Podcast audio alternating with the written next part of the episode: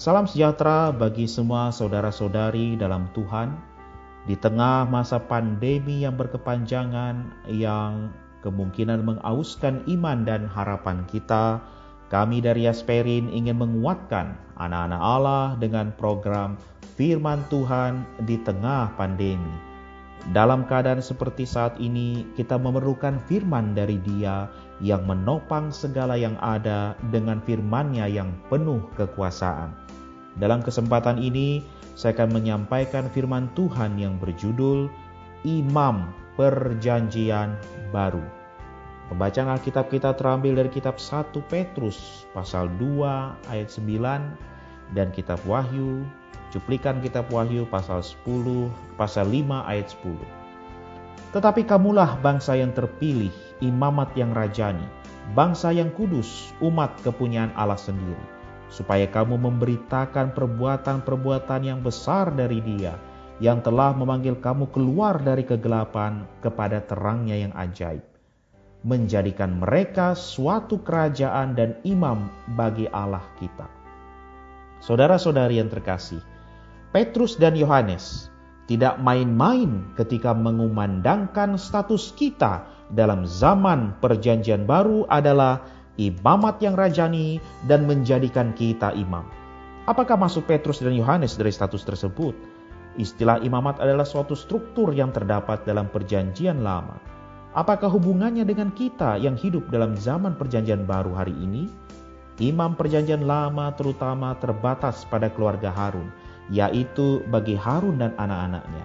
Tetapi imam perjanjian baru tidak terbatas pada satu keluarga. Malahan, imamat ini diemban oleh jutaan bahkan lebih orang kudus yang beroleh selamat. Dalam perjanjian baru, dalam perjanjian lama, yang dilakukan imam-imam dalam imamat mereka adalah mempersembahkan korban kepada Allah Sementara dalam perjanjian baru menurut Ibrani pasal 13, korban yang dipersembahkan oleh kaum imani perjanjian baru merupakan korban yang berupa pujian, korban yang berupa pekerjaan baik, dan korban yang berupa benda atau barang. Korban-korban itu sangat menyenangkan hati Allah. Dengan kata lain, korban yang dipersembahkan kepada Allah oleh imam perjanjian baru adalah Kristus yang dipersembahkan yaitu Kristus yang kita alami, kita bawa dan kita persembahkan kepada Allah. Imamat perjanjian baru bersifat universal, bukan hanya untuk sebagian kecil orang. Ini berarti setiap orang yang beroleh selamat adalah seorang imam. Setiap orang harus pergi keluar untuk menyelamatkan orang. Tidak ada seorang pun dapat menggantikan orang lain. Inilah yang digambarkan dalam Yohanes pasal 15. Tuhan adalah pokok anggur yang benar, dan kita adalah ranting-ranting pokok anggur itu. Ranting-ranting yang tidak berbuah akan dipotong untuk memulihkan imamat universal kaum imani dalam perjanjian baru. Setiap orang harus pergi memberitakan Injil dan menjadi imam Allah. Korban pertama yang harus kita persembahkan dalam Kristus adalah orang dosa yang beroleh selamat.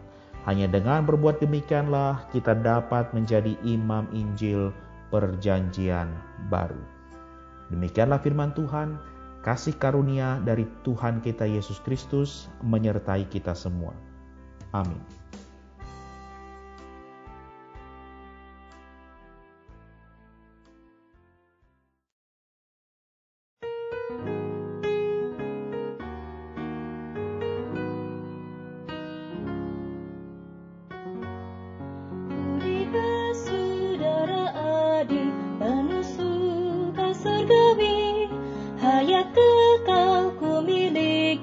Jadi terusan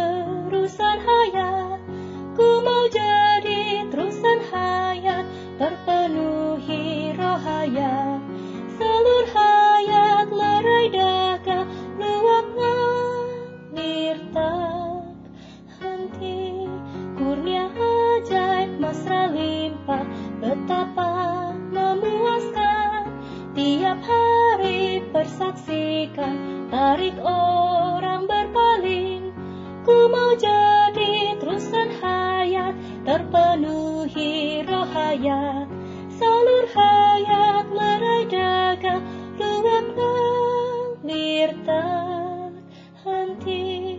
Tuhan takdisku sempurna Jadi wadah mulia. Penuh hayat dan anugerah bagi yang